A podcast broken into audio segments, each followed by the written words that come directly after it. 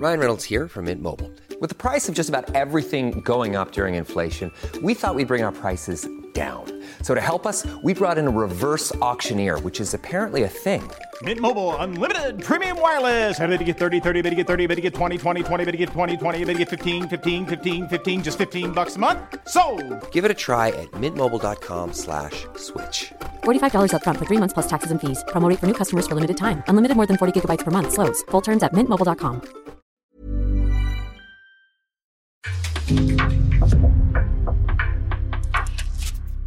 En podcast från Aftonbladet.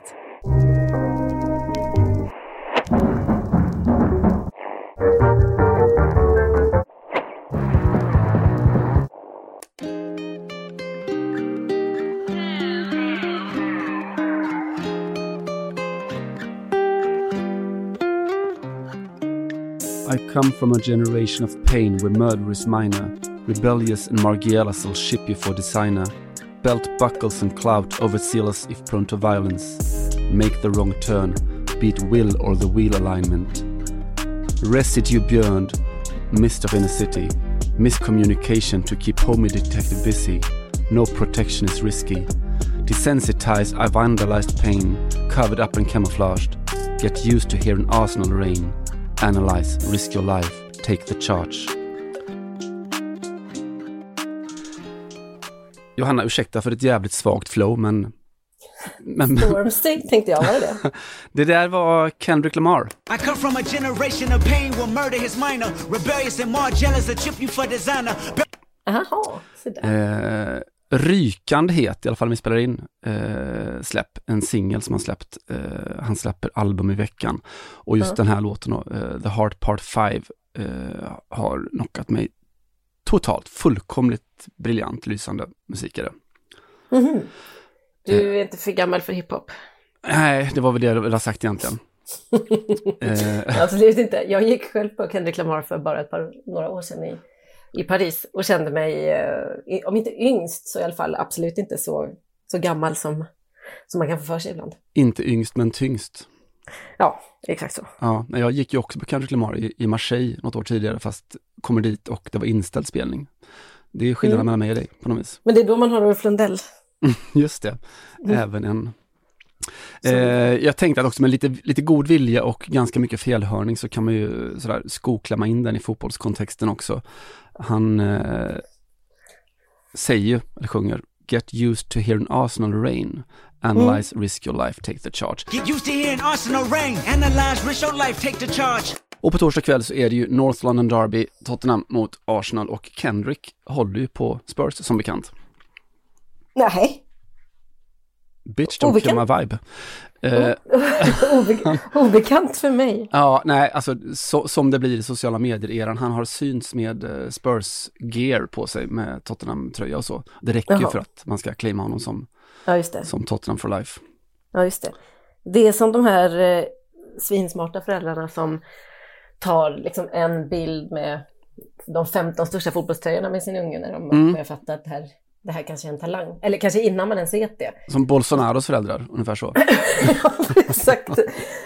De bara, Jair, nu är du ändå 60. Ska vi inte bara bränna av några bilder med flamenco, botafogo, gremi och så vidare. Klart man ska.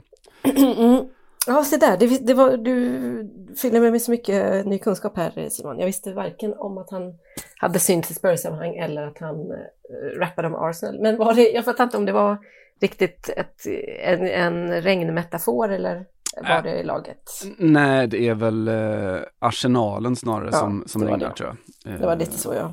Mm. Det var min tolkning också. Eh, jobbar inte så mycket med Drake däremot tror jag har varit igång och fotbollsrappat på riktigt. Eh, det var det mer Messi och Ronaldo, allt vad det var. Mittemellan allt. Mm. För- Definiera på riktigt.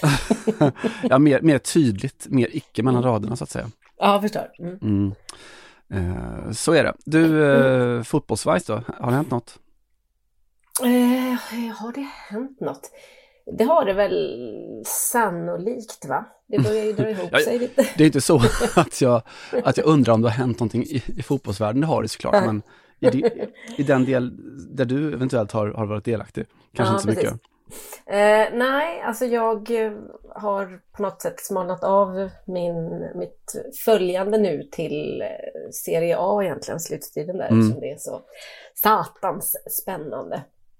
Och lite kanske fortsättning på det vi pratade om eh, förra veckan när vi tecknade Mino Raiolas runa. Mm. Lite det här att man också tittar in på Milans matcher för man vill se hur Zlatan ser ut. Alltså inte hur han ser ut fotbollsmässigt utan hur verkar han må liksom. Hoppas han inte är suicidal och så vidare. Nej, men det känns som att Pioli också är så oerhört noga med att, att hylla honom hela tiden. Att Mm, den store ledaren, lite samma som det var med landslaget också, att mm, det handlar om att tala om hur viktig Zlatan är, fast han inte är viktig eh, på det sättet längre. mm. Ja, visst. Visst. Så att eh, det var väl det som hände i helgen, att jag eh, småspanade in Milan. Och eh, konstigt nog andades ut också när de eh, tog sina tre poäng och, och har fortsatt slagläge då i, i slutstriden. Var det Alltså- som jag, att du också blev lite glad över att Zlatan fick lite speltid? Ja, ja, ja nej, men alltså helt, helt och hållet. Allt det här som jag inte har känt från dem under ett helt arbetsliv börjar, det kommer ikapp mig nu liksom. Roligt att det går bra och jag hoppas du ska få vinna den här titeln och så. Eh, Nej, men jag tror att det, det är väl lite, dels är det ju faktiskt, det, det lät som ett skämt, men det är ju inte hela den här um, Raiola-grejen. Jag ska väl för fan inte byta uttal nu. Så här, tiden. Nej, stay steady. Ehm, och sen också att man kanske börjar känna att eh, det skulle vara en, för sagans skull, skulle det vara en riktigt eh, toppen avrundning liksom att få vinna Serie A. Eh, då kan han sluta sen, vilket jag tror att han kanske gör. Liksom. Om det blir, eh, ja det kanske han gör oavsett men det vore, det vore, ja, det vore bara, det vore väldigt eh, dramaturgiskt fint på något sätt. Och eh, ja, också lite det där att, eh, jag vet inte, det, man, man, man kanske är blödig bara. Man kanske bara börjar bli gammal och blödig. Alltså det är väl mer så att man för första gången verkligen kan relatera fullt ut, alltså att det finns en, en resonans i ens eget liv. Det var väldigt svårt att, att känna den resonansen för tio år sedan när Zlatan var bäst i världen, om man själv så att säga inte var det.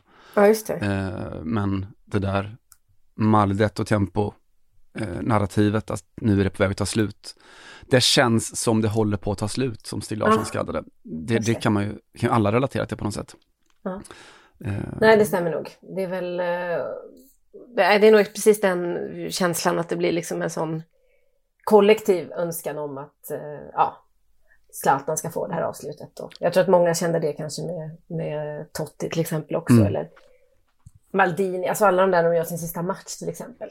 Så vill man att det på något sätt ska få gå vägen. För alla tjänar på en bra historia. Alltså jag menar, jag tror inte att inte supportrar sitter och, och håller på Milan. Så är det ju så, såklart inte. Men, men som lite neutral betraktare så. Och svensk då. Mm. Alltså jag undrar lite om, om det skulle vara så att Zlatan talade om att om det här är mina sista matcher i, i karriären.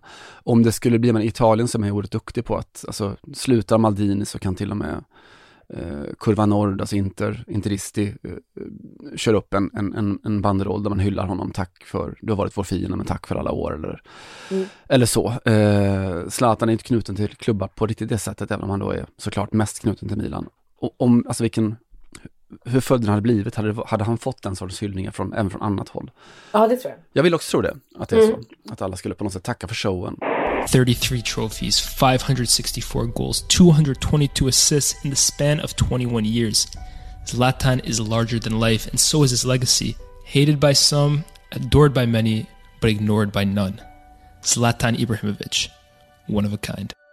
Det är jag helt säker på. Jag tror också att hans, eh, alla antipatier som har funnits och finns mot Zlatan, de har ju lite suddats ut just av det skäl du nämner. Att han har inte, han har inte varit liksom trogen någon klubb så det blir inte heller ett... eh, Det jag tror att det svårare då, gör mer ont kanske för eh, Lazios eh, supportrar att, att hålla liksom, göra en Totti-banderoll, vilket de Mm. ändå gjorde. Mm. eh, för att eh, visa respekt och så.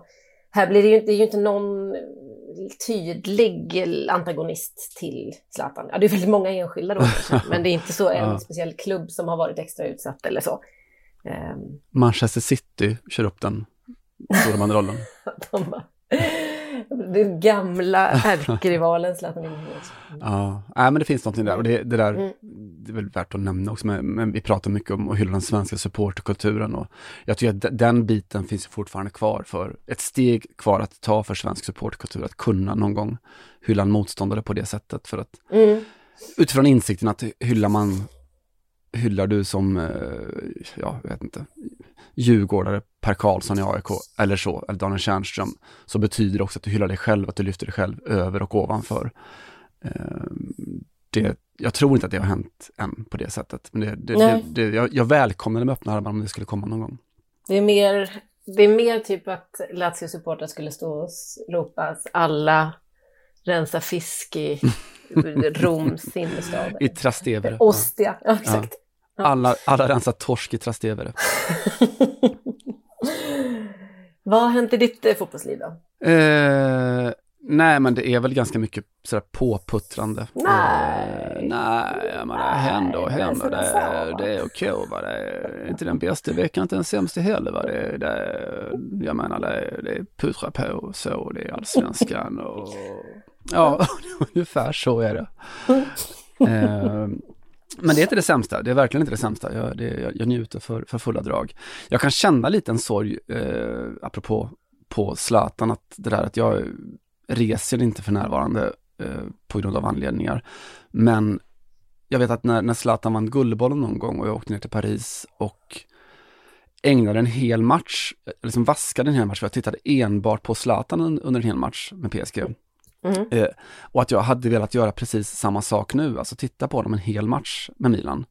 Eh, Mm, på bänken. 85 minuter på bänken, ja precis. Ja, för att se allt, allt, se varje liten nyans, varje liten skiftning, varje liten rörelse. Det hade varit spännande Mm. tror jag. Jag tror att jag kan säga, säga ganska mycket. Du efterlyser en Zlatan Kam, det har ju funnits i hans karriär. Precis, nu vill jag ha det mer än någonsin känner jag. Mm. Mm. Jag förstår Faktiskt. Det är väl det. Annars så har jag sådär eh, roats eller blivit varm i hjärtat eller fyllts, eh, filled up my senses av den franska cupfinalen faktiskt. Mhm. Eh, som gav mig allt det som jag vill ha av en kupp och egentligen av fotboll också. Eh, hade din morgon och din dag och så vidare. och allt, precis så Mm. var det. Mm. Mm. Eh, Nantes mot Augeuse Nice på Stade de France eh, och ska väl teckna lite bakgrund för att förklara exakt vad det var som som den gjorde, vilken klang den gav eller hur klangbotten ser ut. Eh, och det är att man backar ett år och talar om att då, då var Nantes en, alltså som är en av de absolut stora franska klassiska klubbarna.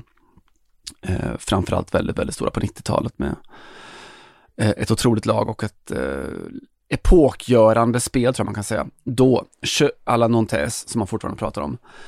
Eh, för ett år sedan så var de totalt i, i förfall.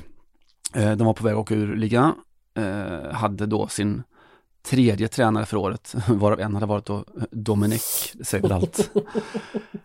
Ja, Eh, de, det, var så, det var så misslyckat det, det hans, hans Vem kunde tro det? Nej, men alltså verkligen. Vem kunde ana? Också att han satte allt, allt det han hade, men att ändå sätta det på spel, ha en ganska så liksom skön tillvaro, kommentera lite matcher i en fransk eh, fotboll, eller vet det, radiokanal, sitta i L'Equips TV med sin fru eller flickvän som, eh, Som programledare. Mm. och mamman till hans barn och eh, var liksom totalt i sin comfort zone och känna att ja, det där att träna fotboll var kanske inte för mig, men det här i alla fall. Och sen så, ja, nej, det var ju en konstig chanstagning. Jag tror att de har gjort slut förresten, Simon. Jaha, det var väl på tiden. Mm. Eh, faktiskt, äh, det är väl inget. Raymond Domenech är en förträfflig människa. Jag tror det. Han ska bara kanske inte träna fotbollslag Nej. på 2000-talet.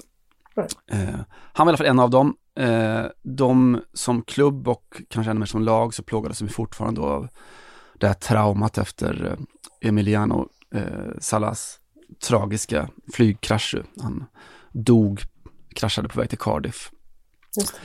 Eh, då alla liksom i så här totalt öppet krig mot ägaren, eh, Valdemar Kita. Mm. Eh, supportrarna demonstrerar liksom före varje match, gör det fortfarande tror jag, mot Kita.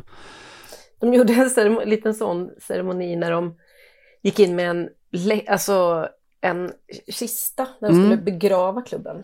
Precis, de begravde projektet FC Kita. Mm. Så var det ja. Mm. Eh, oerhört makabert. eh, de eh, dömdes ju till transferstopp som sen hävdes då. Eh, så allting, precis allting var skit. Eh, Mm. Kita hade under sina 14 år då omsatt 19 tränare. Och det, fanns, det finns väl en sån bred uppfattning om att han hade förstört då en väldigt klassisk fotbollsförening. Hur mycket, förlåt för tjejspaning, hur mycket um, brun hårfärg tror han hade omsatt? Alltså det var ju inte mindre Nej, gud. tränare. Nej, alltså enorma mängder.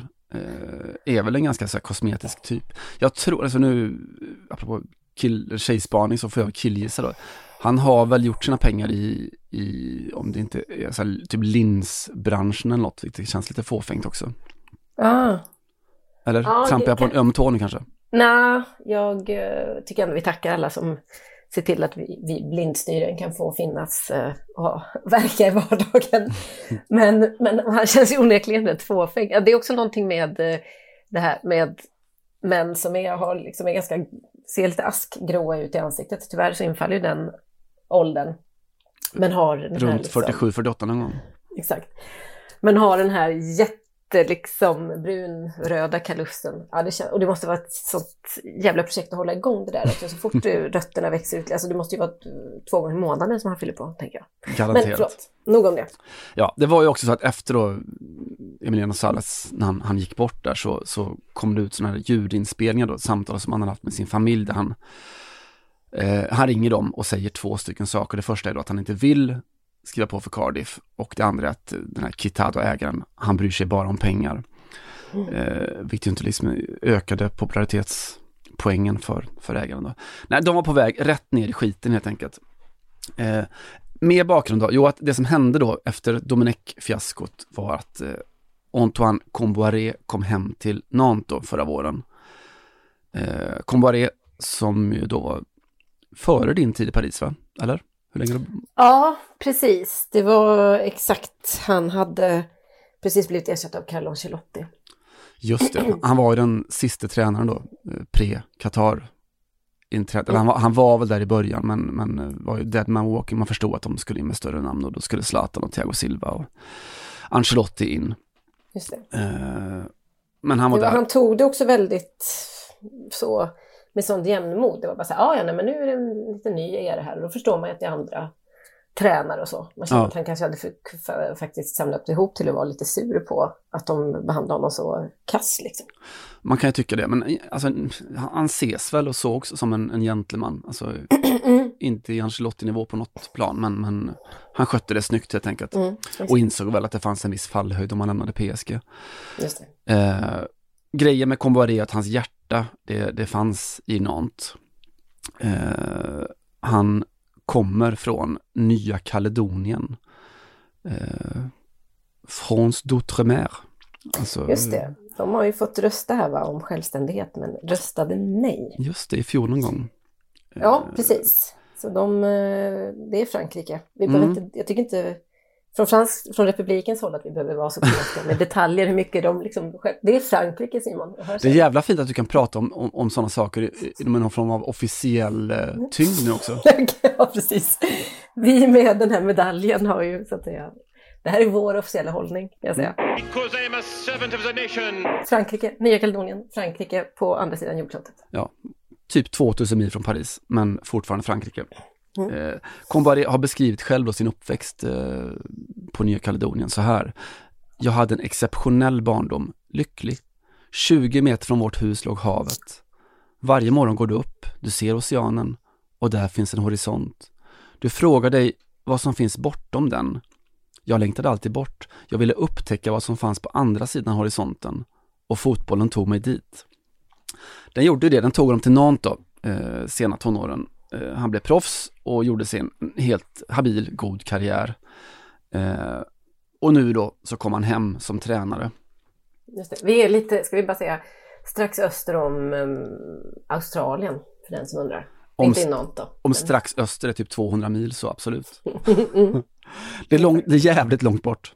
Ja, det är riktigt långt bort. Eh, och Combaré lyckades ju då med, med sitt uppdrag. Då. De vann fyra raka i april, de kvalade sig kvar i Ligue 1 och Eh, den här säsongen då har de spelat i princip med samma lag som de gjorde då. Eh, det är exakt samma spelare som höll på att åka ur i fjol. Eh, tagit en Europa League-plats i ligan och då gått till final i kuppen. Eh, och de tog med sig 50 000 supportrar till Stade de France. Eh, och det är klart, jag, jag känner ju så lite för Nice såklart, men jag såg bilderna på eh, då när cupfinalen spelades från Nice, plasmassorna, eh, sprängfyll liksom. 12-13 tusen som kollar på matcherna på storbildsskärmar och, och sådär. Men, men, men på Stade de France så var det nästan bara Nantes. Det var gult och det var grönt. Eh, Brigade Loire som sjöng konstant i tre timmar. Mm. Eh, man kände till och med på tv. Och men du har ju varit där på Stade de France och vet att det kan vara en ganska död arena liksom, men, men nu var det fan som, som Maracana eller någonting.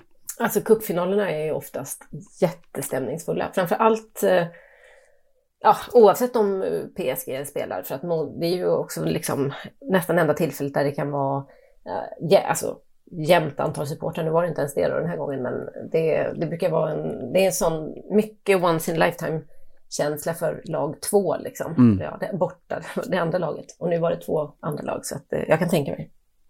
Det blir stort, det blir stort. Och med den bakgrunden så är det bara konstigt att, att själva matchen liksom levde upp till allt och det var Alltså vi fick eh, Stephanie Frappard skrev historia som, som första kvinnliga domaren eh, och gjorde en bra match.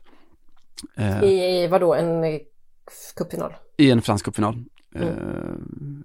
Eh, Steinhaus har varit dömt i Tyskland om jag inte säger för mycket. Hon är för, oh, det tror jag att hon har gjort. Mm. Eh, och vi kan också Tyskland lyssna. det tror jag är rimligt i alla fall. Ja, mm. verkligen. Sa inte det? Ja.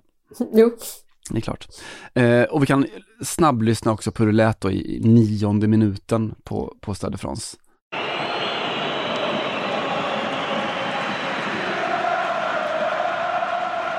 Écoutez le chant pour Emiliano Sala, 9e minute.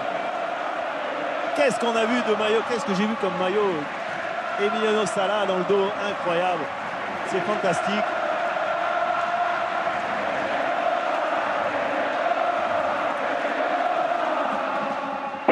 Ja, de hyllar alltså Emiliano Sala.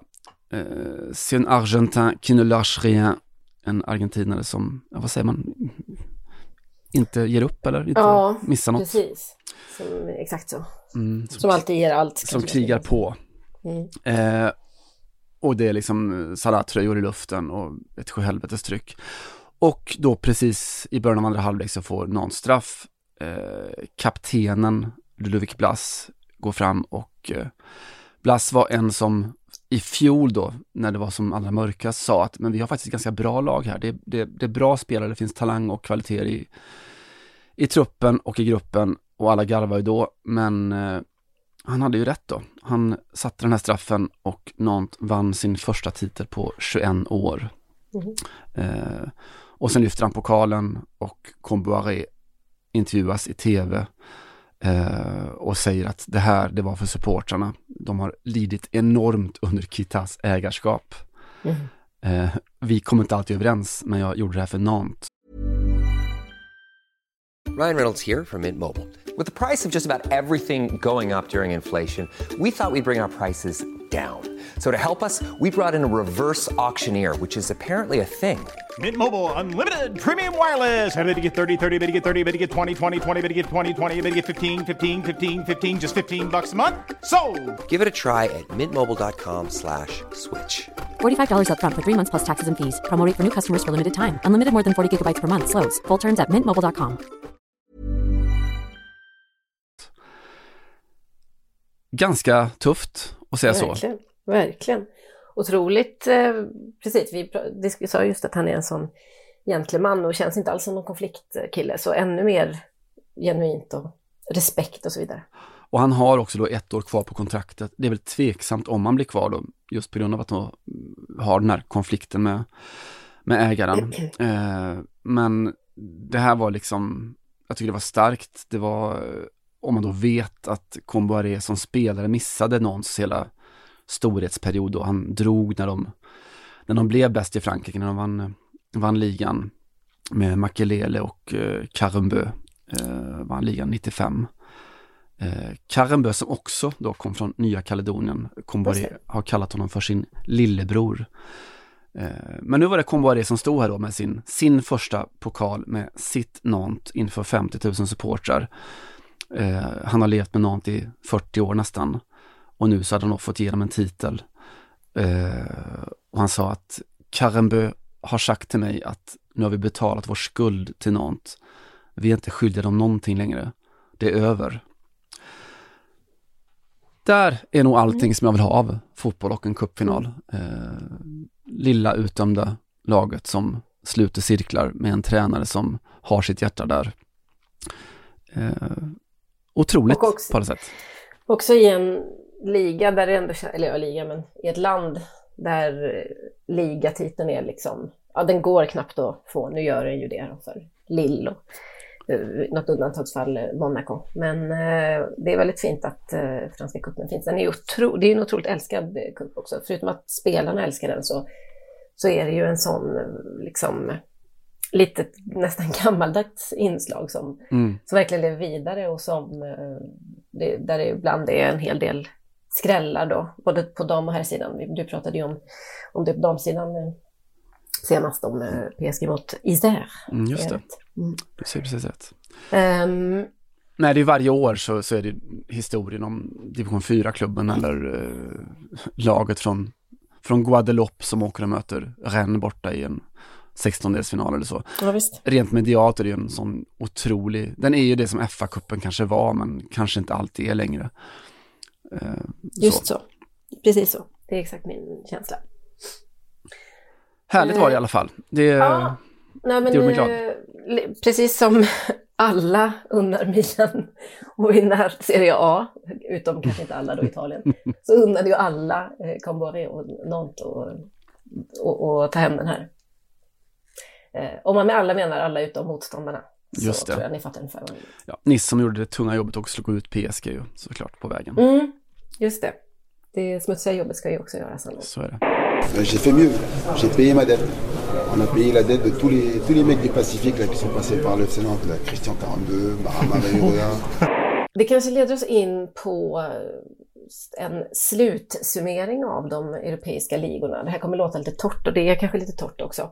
Men eh, det, har ju, det som faktiskt har hänt i helgen är att eh, många eh, ligor har vunnits, eller inte avslutats eh, rakt av, för det, det är en hel del matcher kvar, men en omgång här och tre där och så.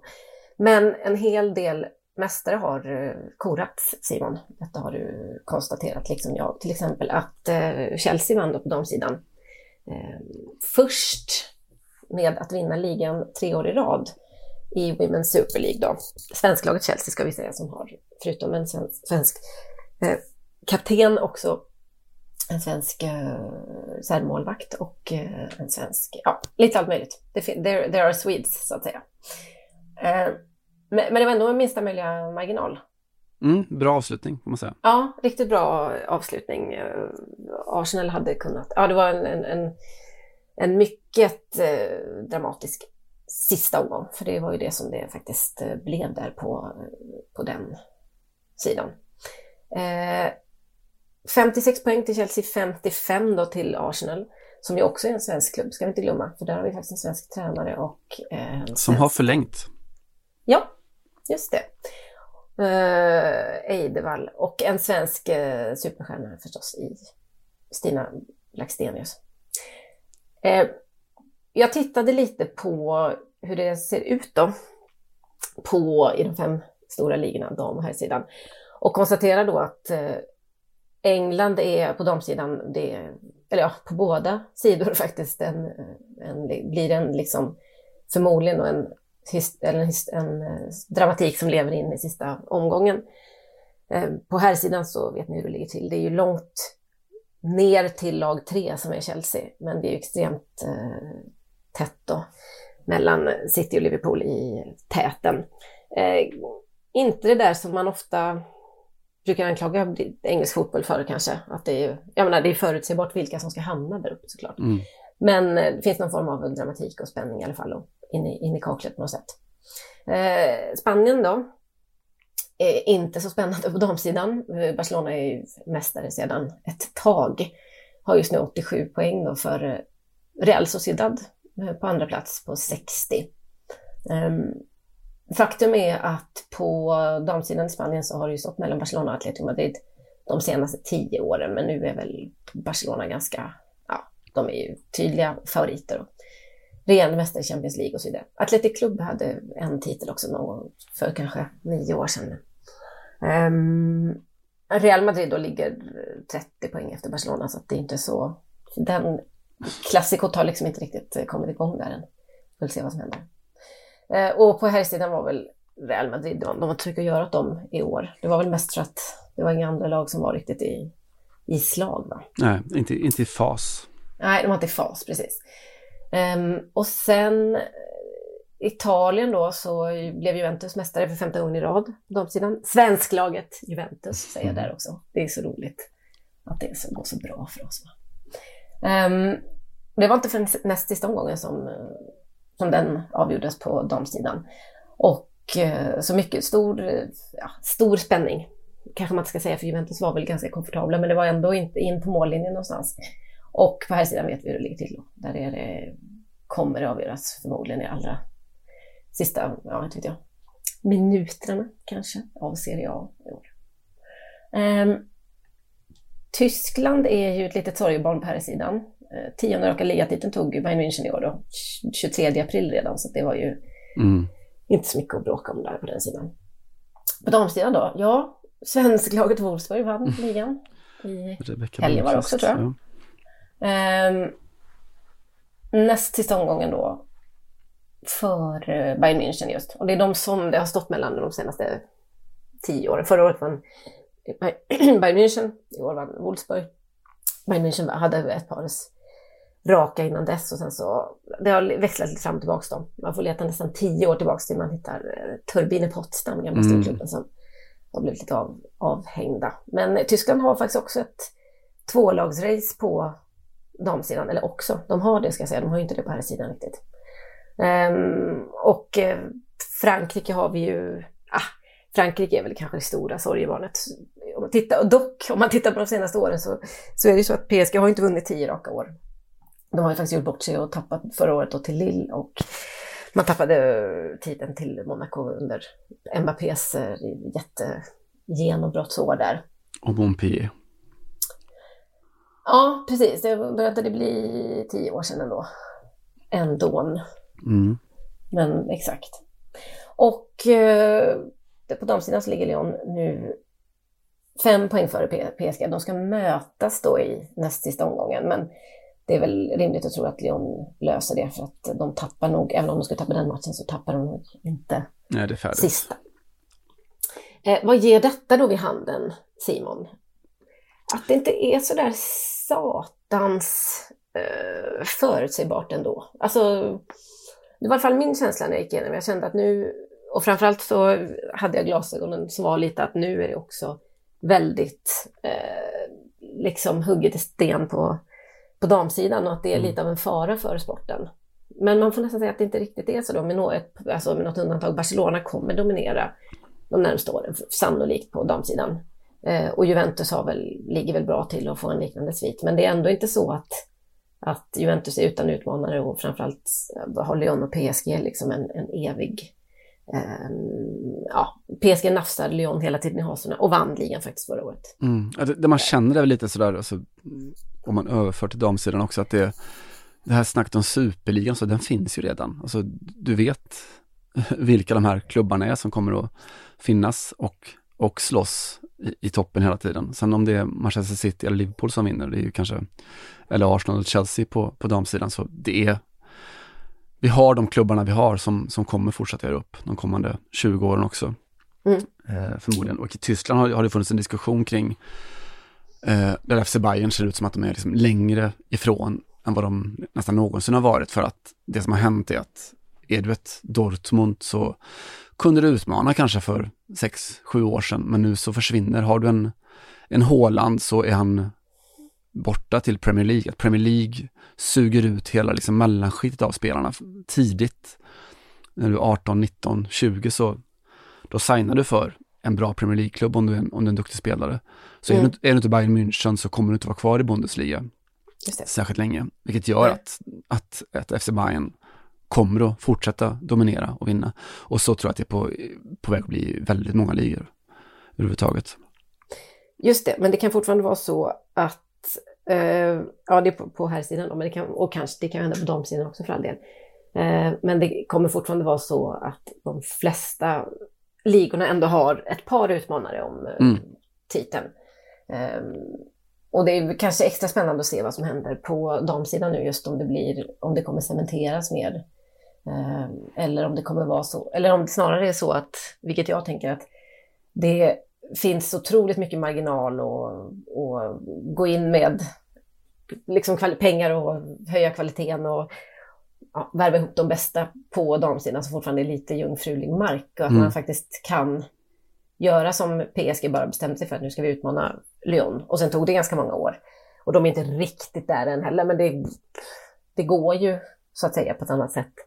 Kanske i, i liksom, eh, områden där, där, det är, där tillväxten är, alltså den, vad ska man säga, den är inte helt jämn, den drar lite åt, åt olika håll samtidigt. Ja, alltså skillnaden är väl också att det, det för kanske fem, sex år sedan kunde man tänka sig att en en svensk klubb eh, fick en, en duktig sponsor och klev in med, med 20 miljoner kronor och då skulle du kunna blivit världens bästa lag på, på damsidan i princip. Mm. Nu så är det ju när de här stora klubbarna har gått in med sin så totalt överlägsna infra, infrastruktur så är det så oerhört svårt att konkurrera med dem. Alltså Turbine Potsdam vad blir de trea i år? Eh, jag tror det, men alltså det är klart att de, de, kommer kanske inte kunna vara med och hota mot eh, de stora Bundesliga-jättarna från här sidan som, som har liksom allting annat gratis, både varumärkesmässigt och, och logistiskt då. Det är väl det tuffa, men någonstans så tänker jag... Svårt för dem att konkurrera på, med lagen på här sidan ja, Turbine Potsdam. Oftast. de bara, vi, men vi försöker. Vi försöker. Mm.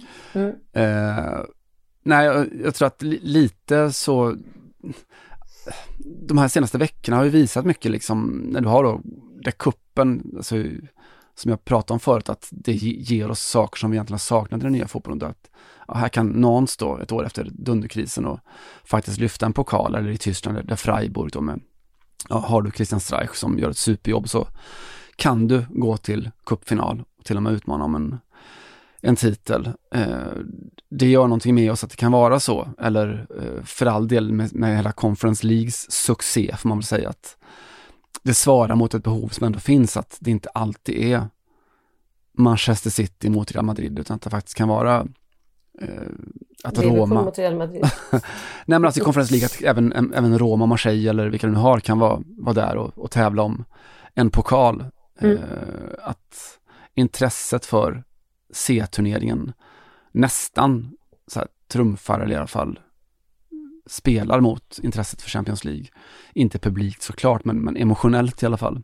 Mm. Eh, att det där ja, nej, men jag, jag, skriver på, jag skriver under på den analysen och det är klart att det kommer, det blir tydligare och tydligare vilka två, tre lag i varje liga som, som sticker ut eller mm. vilka som kommer ha med, som du säger, de närmsta i alla fall tio åren någon form av dominant position.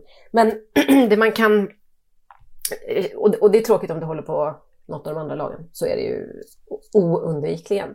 Om man nu bevakar spektaklet som vi gör utifrån och kanske inte har, eh, i alla fall inte jag, några speciella, ehm, vad ska man säga, lojaliteter, så är det ju det enda man vill, om man inte kan få detta att eh, uppstickarlaget som vinner kommer liksom från, inte vet jag, tionde plats förra året, men nu mm du vet, satte man en fot rätt och fick en bra spelare och så löste det sig.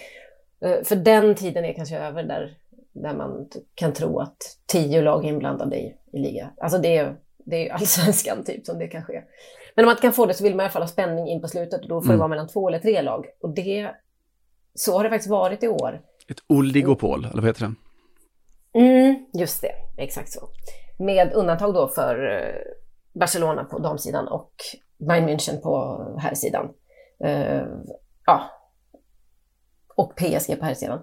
Och Real Madrid då, uh, just i år på här mm. sidan. Så det kanske är ändå så att det, damsidan är lite mer eh, spännande nu, även om det kommer nog sätt, strukturen kommer sätta sig ganska tydligt där också. Så är det ändå, vi har, vi har, vi har fått en del gött med oss in på vårkanten, det är väl det jag försöker säga. Ja. Och det är fortfarande några ligor kvar som, som lever och som kommer vara otroligt spännande att följa. Och det, får man det, har man det den 10 maj, va, då tycker jag ändå att man, man får vara lite halvnöjd. För så här har det inte varit alltid de senaste 5-10 åren. Nej, vi, vi ska inte gnälla. Jag kan gnälla lite. Mitt sista gnäll är att jag tycker mm. att det är så här ovärdigt med, alltså där utvecklingen har landat i att nu, nu är det då derby i norra London på, på torsdag. Eh, och att det är klart att det derby är alltid oerhört, oerhört viktigt, men att det är så extremt viktigt. Ja, men varför är det det då? Jo, för att det handlar om en fjärde plats. Eh, att fjärdeplatsen väger tyngre än en, en kupptitel till exempel tycker jag är sinnessjukt. Det går emot hela spelets idé att mm. just ja, att det handlar om, om Champions League-pengarna, om skattekistan mm. där. Att det är, de flesta klubbar skulle hellre välja en, den sista Champions League-platsen än att faktiskt få lyfta en pokal i en, i en kupp. Gud ja, nej det är verkligen inte någon eh, superutveckling. Vad ska man göra åt det då? Eh, Kasta in en plats åt kuppvinnaren kanske? Ja, till exempel det. Mm. Det är en bra början. Eh, faktiskt. Ja, mm. det är, vi är väldigt glädjen. Det är kul mm. att det är maj, det är kul att det lever på sina håll. Fotbollny, radikal. Eh, vet du vad som är kul, eller inte jätteroligt, kanske tragikomiskt snarare. Det är mm. det här. Eh, I lördags, eh, 7 maj, så höll de en sån fin slutmiddag, en galamiddag på eh, Radisson, hotellet i Jersey. Jersey Bulls skulle fira då sin ganska fina säsong i den engelska nionde divisionen. Eh, och, och vi är på i öarna nu eller? Ja, vi är precis vad vi är. Öarna mm. utanför öarna. Eh, galans höjdpunkt skulle vara då att eh, en sån här känd gäst som vi ofta har på den sortens tillställningar. Eh, gamle Southampton-ikonen Matt Letizier skulle komma dit. Mysigt. Mm, man älskade ju Letizier. Mm. Letis spelaren, He Don't Give a Piss och så vidare. Eh, han som ja ni vet det där, han missade aldrig straffar, han var en one club man och han gjorde massa drömmål. Och min favoritstory är väl när han skulle starta mot Italien i VM-kvalet, måste vara till VM 98 tror jag. Eh, och hans brorsa eh, läckte ut startelvan i medierna. Eh, vilket gjorde alla, alla var vansinniga. Mm. Eh, men det går inte så bra för, för Lutis längre. Alltså? Eh, nej, jag vet inte om du har följt med, men han, om vi liksom summerar då hans utspel, som jag tror man kan kalla det, de senaste åren så har han, han har pratat om ufon, eh, han har kallat Black Lives Matter för en nymarxistisk grupp. Eh, han klev ut då i början av covid där och sa att eh, ja, hela pandeminarrativet var falskt, att det kanske var, ja, hur vet vi att det inte är skådespelare på de här bilderna från, från Kina? Mm -hmm. eh, och han kallar de här PCR-testerna för det största bedrägeri som någonsin drabbat mänskligheten. Oj, va? Mm. Okej, okay. någon form av så amerikansk new age då, slash eh, Trump-anhängare låter det som. Ja, väldigt mycket mm. åt det hållet. En sån amerikansk yogamamma. ja. Mm. Eh, han fick då, då fick han kicken från han var ju så expert på, på Sky och fick kicken då efter den här mm. pandemiuttalandena som inte landade så jävla bra när folk mm. eh, dog i parti och minut i, i England. Men han eh, drog inte jättemycket lärdomar av det eh, och nu från ja, häromsistens så retweetade han en och skrev under då på en, en tweet från något som heter Unity News som är en sån här högerextrem nyhetssajt som drivs av en av ledarna i Ukips ungdomsförbund. Eh, och de här Unity News jobbar väldigt mycket med konspirationsteorier. Eh, I tweeten stod det så här. Eh, media ljög om massförstörelsevapen. Media ljög om covid. Media ljög om Hunter Bidens dator. Men det är klart att media säger sanningen om Butcha. Oj. Mm, då Jaha, vi är på den nivån. det, vi är precis på den nivån. Då blev han också av med jobbet som ambassadör för Southampton. Men snälla någon. Mm, man känner att man blir så här, lite glad nästan över att Lenny Hysén bara har radikaliserats lite lagom. ja. ja, det kan vi prata om en annan gång men det, jag är så otroligt icke upprörd över att han eh, håller på SD. Men skit i det. Mm. Mer tippat i alla fall än, än ufon och uh, det, alltså det, ja, det går ju helt i linje med allt han är. Det är bara så, tro, tror ni att Sverigedemokrater har horn typ och sitter och, och äter spädbarn? Alltså det är ju goa, det är ju klart att det är mycket goa gubbar som... Det är det Demokraterna som gör. Det är där vi ska ta striden, kamrater. Mm, skit i det. Butcha var ju lite värre då, för det hade ju inte, det hade, det hade ju inte Glenn ifrågasatt tror jag. Han hade tyckt att det vore både fittigt och röva. Ja, så exakt. Ja, det var ju det som Hitler gjorde var ju fittigt. Mm. Exakt. Mm, enligt en berömd Glenn-tweet. Ja, men vi får återkomma lite kanske till vår diskussion om vad vi ska göra för att rädda sådana här fotbollslegendarer från ja, i, i efterlivet från mm. sig själva. Mm. Jag vet, vi, vi lanserade väl någon sorts teori om att de kanske borde börja kriga istället. Eh, mm. Men jag har senaste veckan annat att de kanske borde börja med musik istället. Mm-hmm. Eh, bear with me. Eh, jag har två stycken favoritnoteringar eh, och det här känner jag att jag måste tala om för er som du är tjej och jag är kille. Sådana här statistiska favoritnoteringar från säsongen som gått. Den ena då från 0-0 matchen mellan Blackburn och Millwall i mars när Millwall noterades för 0,0 expected goals. Det tyckte jag var festligt. Den Mm. andra kom nu i veckan då. Leo Messi slog rekord då nämligen. Mm. Eh, ett statistiskt rekord i ligan. Jag vet inte om du noterade det? Ehm, nej, Det var, inte flest mål, det var inte flest assist heller. Nej. Det var inte flest key passes och det var inte flest rätta passningar eller så. Nej, han slog rekord i antalet träffar i stolpe och ribba för en säsong. Jaha. Mm. Oj. Ja, Well, Messi. Pings it. Oh, he's hit the woodwork again. Va, men, men vänta, slog han rekord? Blev han bäst i år på det? Eller blev han alla tiders bäst på att träffa stolpe och ribba? eh, ja, som man brukar säga vad det gäller klimat, sen mätningarna eh, inleddes Oj, så har det aldrig någon under en och samma säsong träffat virket så ofta som Leo Messi gjort i år. Gud, vilken eh, bra metafor för hans eh, säsong ändå. Visst är det det. Han har Ja, det inte så lätt i Paris. Nej. Eh, vilket ju såklart kan bero på att de inte spelar som Barcelona eller att han inte är omtyckt på samma sätt. Men jag tänker att det också kan bero på att han saknar sin bästis. Eh, Ja. José Manuel Pinto. Du saknar väl också honom tänker jag? Ja, alltid. Ofta och eh, intensivt. Eh, jag utnämner honom till vår favoritreservmålvakt i strid med Pepe Reina och Rémi Vercoutre. Eh, I Barcelona. Peperina är ju fascist, så att jag saknar Ah, honom okej. så mycket. Ja, Ja, men visst. Du tänker så, då är han cancel i din värld. cancel. Jag, jag tycker inte det, det finns väl något, någon form av skala mellan att vara cancel och inte till och inte vara ens favorit, eller? Är det... Nej. I, inte 2022, tror jag inte att det var det faktiskt. nej, okej. man ska vara Nej, just ärlig. det. Nej, okej, förlåt. Var, var drar du din röda linje någonstans? I don't love him, but okay. Ja, alltså grejen med Pinto eh, var ju att han inte bara var fotbollsspelare ens när han bara var fotbollsspelare. Eh, han var ju Messis bästis då, vilket bara det tycker jag var fantastiskt fint. Även rent visuellt var det fint att tänka sig att de var polare. Mm, det var lite det här vanliga när man är så nära någon stor stjärna. Att han, man får ju känslan av att det, alltså lite, eh, han hade väl lite Chippen Wilhelmsson-rollen Mm. där. Att eh, bästis, men också kanske passa upp och eventuellt alltså skräptunna också, möjligen. Det är Bara att det var så inverterat, alltså i i chippen Zlatan så var chippen Asterix och Zlatan Obelix. Här är det lite tvärtom ju. Ja, det är ju helt sant. Om han säger tio saker så kan jag ta det. Och så säger jag en sak så blir han värre för han att ta det. Så det var väl lite så. Han lackade lite. Faktiskt. Ja. Eh, han, det som Pinto gjorde var att när de var på bortaresor och sånt så satt han och pluggade ljudteknik. Mm.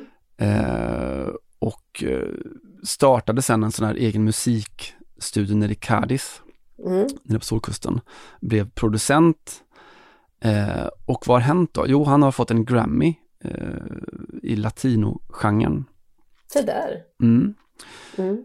Eh, när pandemin kom så satt ju inte han på kammaren och radikaliserades och läste högerextrema medier direkt.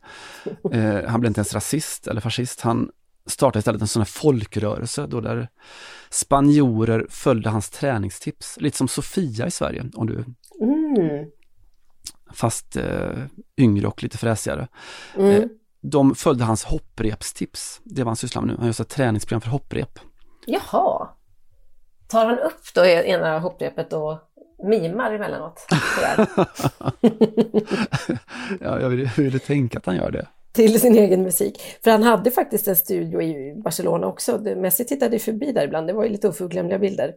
Ehm, så att han, det var som att musikkarriären fick löpa lite Parallellt ja. dubbelt. Ja, men det, det blir det är ju jävla drömjobb att vara andra slips i Barcelona alltså. Jag tror verkligen att det var bland det roligaste man kan göra de åren. Veta liksom att jag har absolut ingen chans att ta ifrån Victor Valdes den här platsen. Jag har inga ambitioner det heller. Jag är bara en god gubbe med fläta Mm.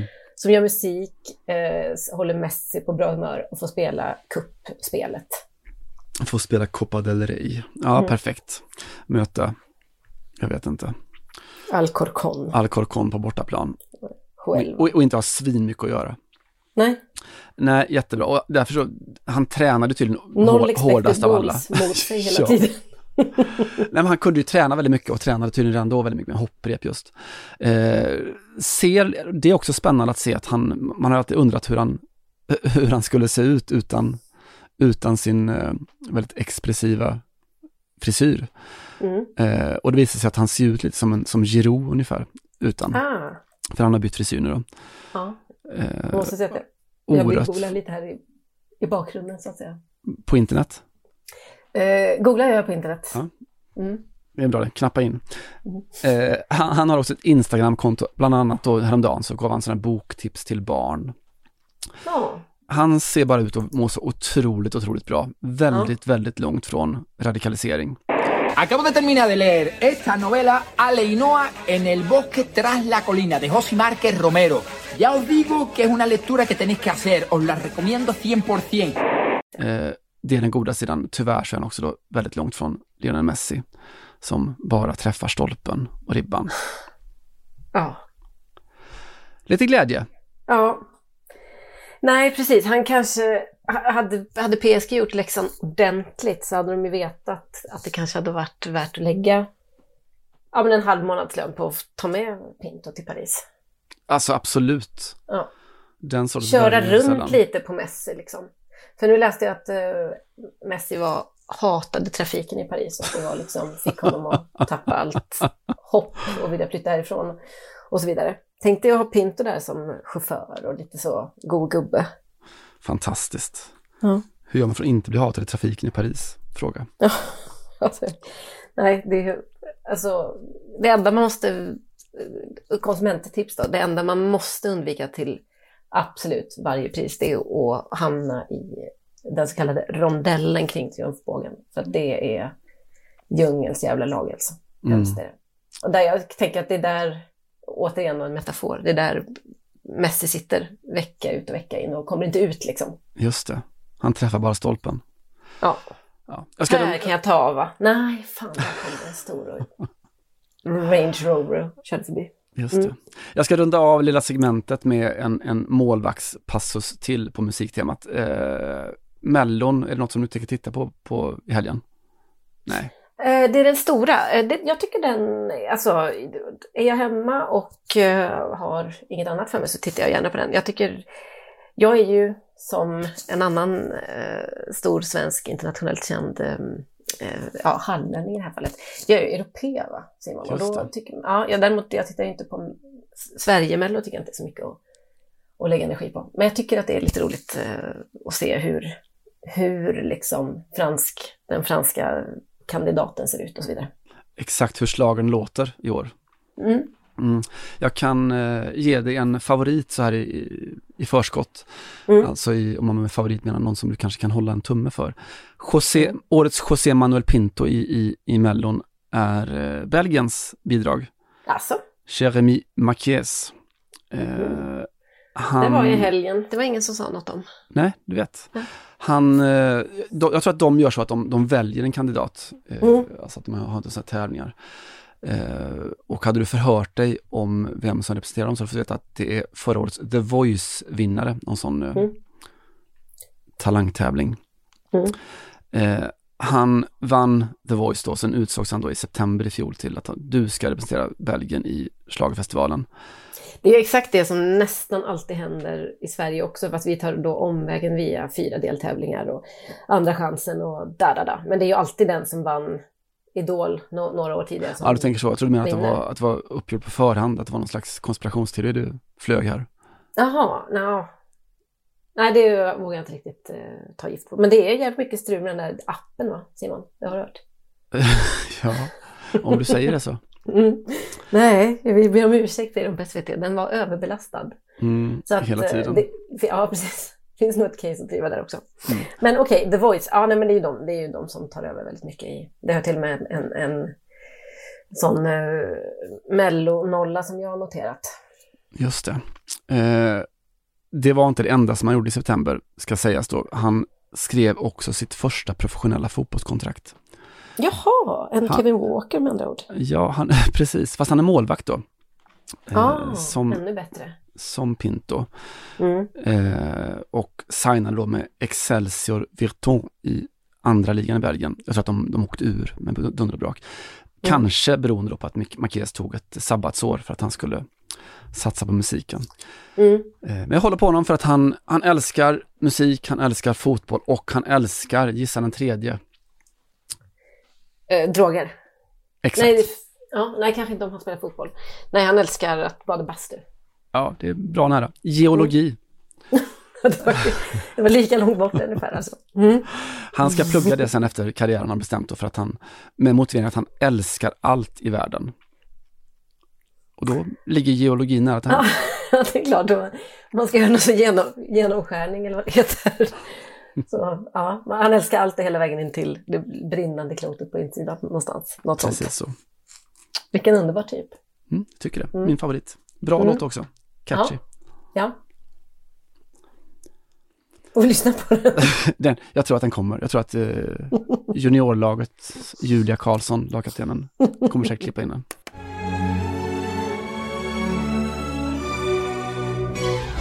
Sometimes I feel down.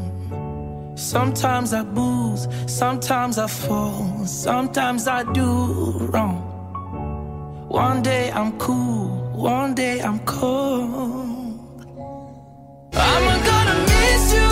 Now. Promise I will miss you now. I'm gonna break through now. I'll never hate you now. Intressant då eh, eh, angående mm, Mello eller eh, Stormello, Eurovision va? Just det. För att eh, jag noterade ju att eh, du säger Belgien men jag säger, eller du sa på förhand, fast Ukraina hade jag nog bettat på om det nu gick att betta. Simon Bank, mina vänner, som undrar om, som tänker, att, tänker sig ett parallellt universum om det går att betta på vem som vinner Eurovision Song Contest. För de är stora favoriter som vi har förstått det utan att, ja, av uppenbara skäl då. Och man ska tydligen ha en hyfsad låt också och liksom backa upp det hela med. Eh, frågan är om man vågar inte rösta på Ukraina.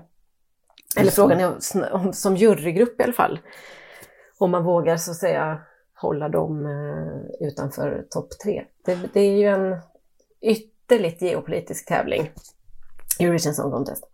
Eh, en annan geopolitisk tävling då, Simon, fotbolls-EM i Qatar. Just det. Um, Ukrainas herrlandslag har ju fortfarande chans att nå dit. Ni vet att den playoff-gruppen blev uppskjuten efter krigsutbrottet. Och eh, Ukrainas eh, alla inhemska spelare, alltså de landslagsspelare som inte är igång ute i Europa av olika skäl utan som hör kanske till eh, den hemmaligan, har samlats i Slovenien på något eh, ganska långt uppladdningsläger. Mycket för att ha något att göra, eh, tror jag. De, har, de är, vad ska man säga, militärpliktbefriade. Eh, det är för övrigt deras grupp i Eurovision Song Contest också. Det är väl en hel, jag tror att det är en killgrupp i år, mm. varav en valde att ändå strida. Så han har gjort det då, men kommer väl till ja, lördag, eller vad det är, när, när det nu, om, eller om de ska spela semifinal möjligtvis i, i Eurovision. Men, Men eh, de gör några sådana här undantag då och eh, på eh, det slovenska lägret för Ukrainas landslag så har The Guardians Nick Ames slagit ner, eller gjort ett nedslag och pratat med eh, spelarna. Och jag tyckte att man fick, eh, vi, vi har ju liksom snackat ner Qatar-VM ganska mycket, du och jag i den här podden och i andra sammanhang också. Och det finns det goda skäl att göra. Men så liksom bubblar det upp sådana här sidospår som är lite fina ändå. Eh, där en eh, ukrainsk spelare säger att om vi kommer till Qatar så kommer jag ändå känna att, eller om vi tar oss då till Qatar, så jag har levt mitt liv med någon form av mening eller ja, då, då var det någon mening med allting. Eh, och det här är förstås ett gäng eh, djupt traumatiserade och eh, utsatta eh, killar och män i 20 och 30-årsåldern som har förstås nära och kära som är indragna i det här kriget som alla andra och som försöker att bara fokalisera eller foka på den här uppgiften som är då att först och främst eh, slå ut eh, Skottland i semifinal och sen Wales då i uh, finalen. Är det så att det skulle varit... Hur vet de att det är Wales i final, eh, Simon? För att de spelade ju på ordinarie datum. De spelade, där har vi det. Mot Österrike. Mm, så fint att du kan eh, täppa igen med luckor i, i, i direktsändning. Just det. Mm. Eh, vågar man slå Ukraina i en eh, semifinal eller final i playoff till Qatar? Det är väl min stora fråga. Ja. Eh, Skottland. Hur, hur, alltså, vad gör, hur går man in i den här matchen? Liksom? Tänker man den här klassiken då att bästa sättet och det enda liksom ärofyllda sättet är att ge dem en riktig match, antar jag. Det måste ju vara så, alltså den här någon slags yrkesheder och allt, men jag, jag, alltså om man inte ska fjanta sig så tror jag, jag tror verkligen att det finns en, en relevans i det. Jag, man har sett så oerhört många fotbollsmatcher som på någon sorts mentalt psykologiskt plan avgörs av, av den större berättelsen. Mm. Ofta liksom inuti en, liksom en matchuniversum på något sätt, att du känner att ja, nu är berättelsen, alltså för att ta, ta typexemplet eller a priori-exemplet eh, Liverpool-Milan där Milan är vinnare så länge som Milan känner att den här matchen handlar om oss. Det är Paolo Maldini gör mål som han aldrig gör och eh, vi har vunnit. Eh, och de har vunnit ända tills de börjar känna eller misstänka att tänk om den här matchen inte längre handlar om oss, tänk om berättelsen handlar om de andra istället. Mm. Eh, och det kantrar över ända till, till en straffläggning på slutet där man känner att men nu, nu är vi, vi är inte ens med här längre.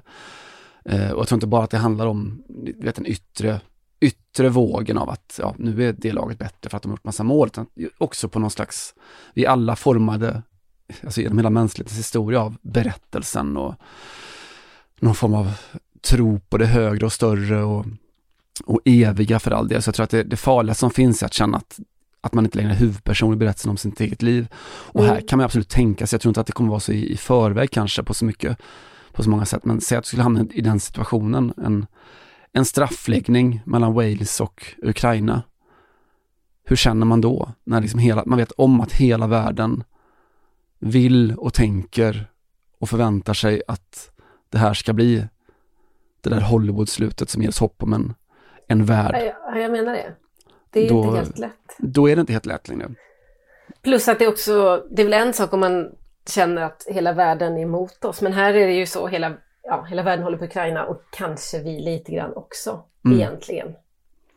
Ja. ja, det är verkligen inte någon alltså det är ingen, eh, jag tror att det är, om den här matchen är supertuff då för Ukraina att spela så tror jag den är minst lika jobbig för motståndarna för att uh, man, man, kommer ju känna att man, att det nästan blir fel hur det än blir på något sätt. Mm. Ja, nej det är det är inte Med det sagt håller jag på Skottland. Ja, jag vet att, men det gör jag alltid. Ja, och Skottland, de vet att när de skulle möta Ukraina så blev det en träningslandskamp istället mot, nu tror jag att det var Tjeckien de mötte, eh, där man nu då samlade in pengar till Det var väl till var det vi, vi som mötte dem? Eh, efter ja, eh, mm. de, de, spelade när de skulle ha spelat semifinal, när, när Sverige mötte Polen Jaha, okej. Mm. Så då gick ju förloraren i, i Sveriges match mot, mot Skottland istället. Mm. Om jag minns rätt, det är en evighet sedan och ett krig sedan också för all del. Mm. Eh, nej, det kommer vara en, alltså oerhört speciella matcher såklart, på alla sätt. Mm. I skuggan. L- litet men stort. Är det, är det okej ens att hålla på Skottland för att det hade varit ens defaultläge? Ja, annars? jag tycker det. Mm. Eh, som en svensk förbunds, förbundskapten hade sagt, för mig det handlar om respekt. Mm. för mig i grunden, det handlar om Precis. respekt. Eh, Bra! Ja, det kommer vi se. Jag ska också göra en Mm. snabb återkoppling till förra, förra veckans avsnitt. Då pratade vi om, eh, om Lerche. Ju. Ja! Som ju gick upp. Eh, Ja. John Björkengren kom in och spelade de sista minuterna eh, när Lerche kom tillbaka till Serie A. Mm. Det var ju synd. Alltså, Eller, eller kul. Men vi ville ju ha det kvar med Serie B, var vi överens om. ja, just det. Det var ju sant. Men det var. Det, det, ja. Livskvalitetsmässigt tufft för John- Björk, Björkengren, men han får väl stå ut med det helt enkelt. Inte pasta varje dag längre. Vad fasen. Precis. Mm. Eh, men det jag tänkte berätta är att det var ett lag till som gick upp eh, i Serie A. Mm. Eh, Cremonese. Cremonese och det Mm. hände två stycken stora saker i Cremona då i helgen. Eh, där det ena såklart var att Cremonese gick upp i Serie A efter, ja, vad är det, typ 30 år i, eh, längre ner. Mm. Eh, det andra var då att det var eh, premiär på Operan i Cremona. En eh, folklig opera, en sån här buffa, buffa-genren av operan. Eh, som heter då The Sweet Silence in Cremona. Har de satt upp där. Mhm. Eh, och jag har egentligen inga andra skäl att berätta det, annat än att det är en fantastisk liten historia. Eh, Vilket ju brukar vara ett bra skäl att berätta saker. jag, ty jag tycker det. Ja, men, fo fotbollslänken är väl bara det då, att ja, det händer precis samtidigt. Cremona är alltså inte en, det är ingen stor stad, eh, 70 000 invånare någonting. Mm. Och, och inte primärt känt för sin fotboll då, utan för sin musik. Eh, det var där som Antonio Stradivari levde på 1600-talet. Jaha. Mm. Mm. De Vi är, är i norra Italien. Ska jag, ska jag bara få lokalisera oss lite grann? ja, vi är väl, alltså, Milano, inte långt utanför Milano skulle jag säga. Milano, Ja, Parma, precis. däremellan någonstans. Exakt så. Man kan dra, om man, om man vill så kan man dra ett raksträck mellan Milano och Bologna och då är man nästan mittemellan, lite närmare Milano. Mm. Var Milano ligger får ni ta reda på själva. ja, vi kan inte göra allt jobb, Exakt. eller hur? Eh, ja, de är fortfarande bäst i världen på att göra violiner i Cremona. Mm. Mm. Det finns hundratals små pittoreska butiker med, med vi, stråkinstrument helt enkelt. Mm. Eh, och det här då, The, The Sweet Silence of Cremona. Mm. Jo, ett libretto då, det skrevs för, efter en händelse för fyra år sedan ungefär. Eh, när då det var ett projekt där fyra stycken violinister skulle spela, de skulle provspela sig igenom då ett gäng unika instrument från 1600-talet och 1700-talet. Mhm. För att man då skulle banda ljuden. Historieätarna fast musik. Ja, precis. Och de, men de skulle banda det då i någon slags sån här ljudbank då som, som eh, framgent kommer leda till att du kom- kommer kunna liksom kopiera ljuden från en, en 1700-tals Stradivarius eh, utan att då spela på en 1700-tals Stradivarius. Mm. Eh, kom förresten en forskningsrapport i veckan om vad det är som gör eh, Stradivarius-ljudet unikt. Eh, besvikelse i, i svaren, det var mest att det fanns någon, någon timbre som var, som var unik. Jo, men varför är timbren unik? Nej, det kunde de inte svara på, men den, den var i alla fall unik. Ja men det är, väl, det är väl allt man vill, att det inte ska gå att reda ut riktigt Ja. vetenskapligt. Verkligen, magin blir större på det. Eh, De skulle då sätta sig de här fyra stycken och spela igenom alla instrumenten eh, och banda det. Då Cremona är då eh, rankat som ett världsarv, står på Unescos lista för just då sina violiner. Mm. Eh, det skulle ta ett par dagar att spela in det här.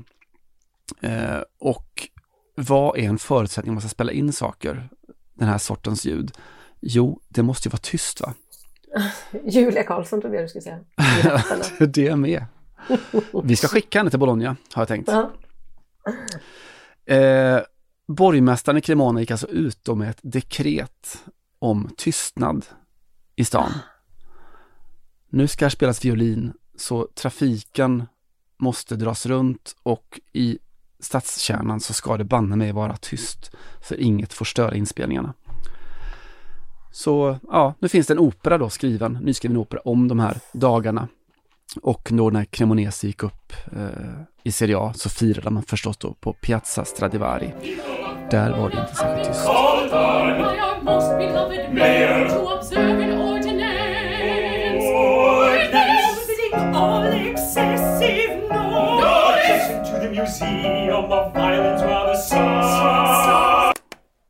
Det var fint? Beautiful, ja det var det verkligen.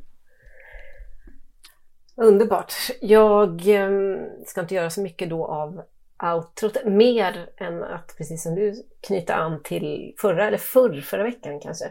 Eh, för då pratade vi om eh, en stad som kanske är mer känd för sin fotboll än sin musik. Eh, och där man åkte till Liverpool som är lika känt för båda. Alltså Villarreal, eller Villarreal som det heter på det inhemska språket.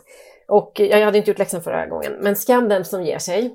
Så nu har jag i alla fall eh, lyssnat på eh, vad ska man säga, kastiansk pop här i dagarna tu från Villarreal. Eh, och eh, tror det eller ej Simon, men det var ganska gött. Va? Det finns en hel del, framförallt så ganska mycket sådana klassiska gitarrister från liksom Bellmans epok då, som ska ha eh, utövat sitt värv i, i och kring Villarreal. Men framförallt så har vi en sorts eh, 80-talsgrupp som jag tycker eh, slår det mesta. Ehm, man kan absolut glida in på Youtube för att få frisyrerna och dansen och de liksom eh, storrutiga skjortorna och kanske saxofonen också för all del. De lite mm. pösiga kavajerna över hela.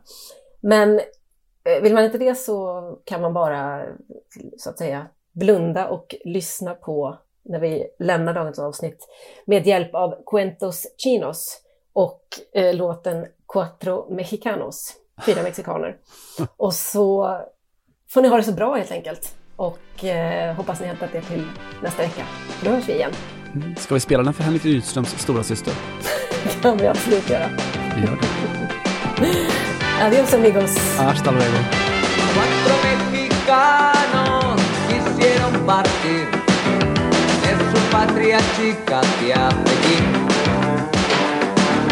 Cuatro mexicanos